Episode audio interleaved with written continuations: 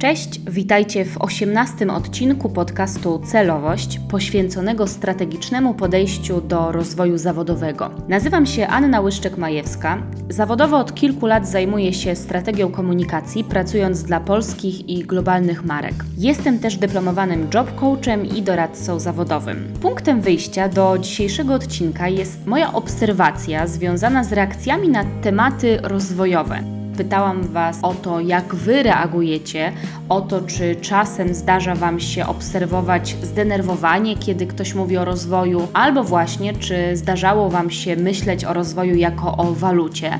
No i właśnie stąd te obserwacje. One potwierdzają się z tym, co już na przestrzeni lat widziałam na swoim przypadku, czy też obserwowałam e, na moich znajomych, czy też właśnie na osobach, z którymi prowadziłam konsultacje doradcze. I pierwsza reakcja jest bardzo bardzo ciekawa. Jest to taka reakcja wręcz alergiczna na temat rozwoju, a druga to traktowanie rozwoju jako waluty. Opowiem o nich dzisiaj, żeby odkryć pewne szanse i zagrożenia, jakie się pod nimi kryją, a także żeby zwrócić uwagę na to, jak dużo możemy zyskać, obserwując swoje reakcje związane z podejściem do pracy, a także jak traktować je jako informacje i w związku z tym odpowiednio je interpretować. Pierwsza z postaw to alergiczna reakcja na temat rozwoju. Można ją rozpoznać po uczuciu niechęci, kiedy słyszymy w pracy o kolejnym nowym szkoleniu, na które trzeba będzie poświęcić wiele godzin i dużo uwagi. I to jest taki moment, kiedy zaczynamy głęboko oddychać, bo już wiemy, że absolutnie nie mamy ochoty brać w tym udziału. Kolejna sytuacja to może być takie unikanie dużych i nowych tematów, które wiemy, że będą mocno angażujące, będą wymagały od nas wysiłku, wielu godzin pracy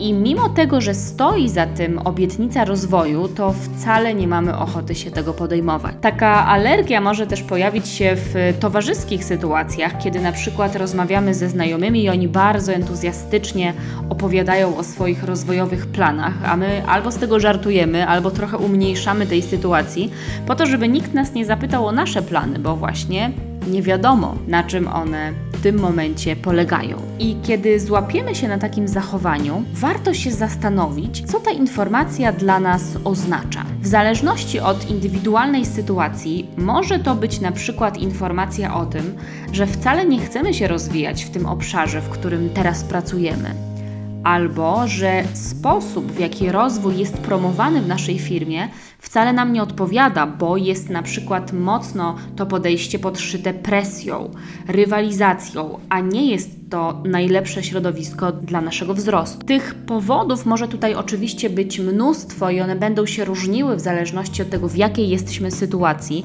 jakie są nasze wartości związane z pracą, czego oczekujemy od swojej sfery zawodowej. Natomiast zauważenie tego i refleksja może nam pomóc dostosować nasze kroki i dalsze decyzje.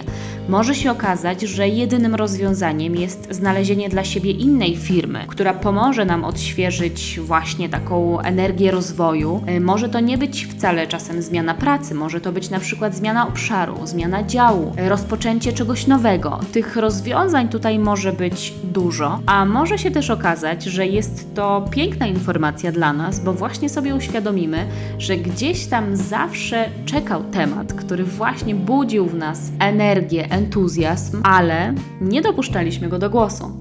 Także może to być moment, w którym uświadomimy sobie też tematy, które długo czekały na to, żebyśmy mogli poświęcić im wreszcie chwilę.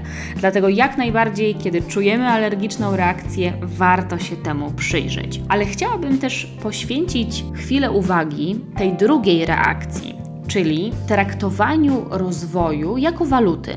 I jest to o tyle ciekawe, że możemy to obserwować na przykład w momencie, kiedy musimy podjąć jakąś decyzję i zaczynamy się wtedy zastanawiać nad plusami, nad minusami i pojawia się taki filtr. No właśnie, czy podjęcie tej decyzji pomoże nam w rozwoju, czy dzięki temu się rozwiniemy, dowiemy się czegoś nowego, nauczymy się czegoś nowego. Czyli po prostu jak to wpłynie na nasz rozwój. I wydawać by się mogło, że takie podejście jest dobre, no bo przecież szukamy możliwości do rozwoju. Ale jest w takim y, traktowaniu rozwoju jako waluty też kilka pułapek. Między innymi takie zagrożenie poczuciem, że ciągle jesteśmy niewystarczający, no bo przecież jest tyle rzeczy, których możemy się nauczyć, tyle okazji do rozwoju i powinniśmy przecież chcieć się rozwijać, chcieć próbować nowych rzeczy, no i właśnie wtedy łatwo jest nas przekonać, że potrzebujemy takiej możliwości, że powinniśmy być za nią wdzięczni. Natomiast już właśnie pytanie, czy to rzeczywiście jest dla nas korzystne, to pytanie, które czasem może ujawnić, że wcale ta możliwość nie była nam potrzebna. Kolejna pułapka to przyjmowanie zobowiązań ponad swoje siły, bo czasem ta ilość propozycji może być tak duża, że kiedy zgodzimy się na wszystkie, to trudno będzie to pogodzić z własnym dobrostanem, z tym, żeby mieć czas i przestrzeń na odpoczynek.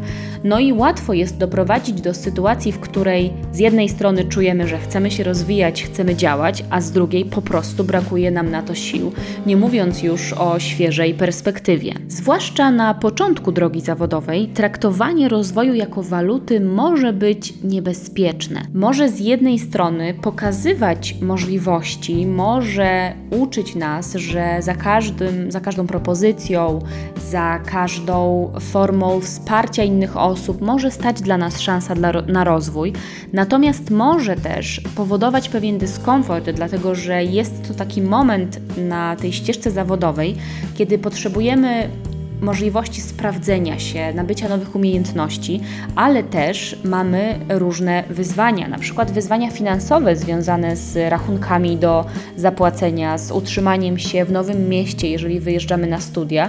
No i wtedy może się okazać, że rozwój jest piękną walutą, ale najlepszą walutą będą po prostu pieniądze. Także tutaj nie ma jednej recepty, zawsze trzeba sprawdzić, co to dla nas znaczy i na co wymieniamy swój wolny czas, swoje siły i swoją energię. Bardzo często obserwowałam w rozmowach w cyklu Młodzi Mogą Więcej, które prowadziłam przedstawicielami różnych inicjatyw studenckich, młodzieżowych, z młodymi ludźmi, którzy z wielkim zaangażowaniem podejmowali się ciekawych i ważnych tematów, że bardzo często to zaangażowanie właśnie było w zamian za możliwość rozwoju, ale kiedy już próbować się doszukać tam jakiego typu to ma być rozwój, czy to jest coś nowego, czy pogłębiamy jakieś swoje umiejętności, czy rzeczywiście będziemy w stanie jakoś zmierzyć ten rozwój, który się dokonał w tym procesie, no to było już takie duże zdziwienie, że wymaga to jednak pewnego przemyślenia, tak żeby też te swoje zasoby i tą swoją energię dobrze ulokować. Dlatego, kiedy zauważymy, że staramy się kalkulować w tym naszym rozwojowym kantorze, na ile rozwojowo opłaca nam się wejść w daną inicjatywę, to warto się zastanowić, jaki rzeczywisty rozwój stoi za tą możliwością. Czy jest to dla nas coś nowego? Czy być może już uczyliśmy się tego wielokrotnie, ale wątpimy w swoje umiejętności? No i na koniec, co będziemy musieli poświęcić, żeby przyjąć tę możliwość, bo zawsze jest tutaj tego typu koszt.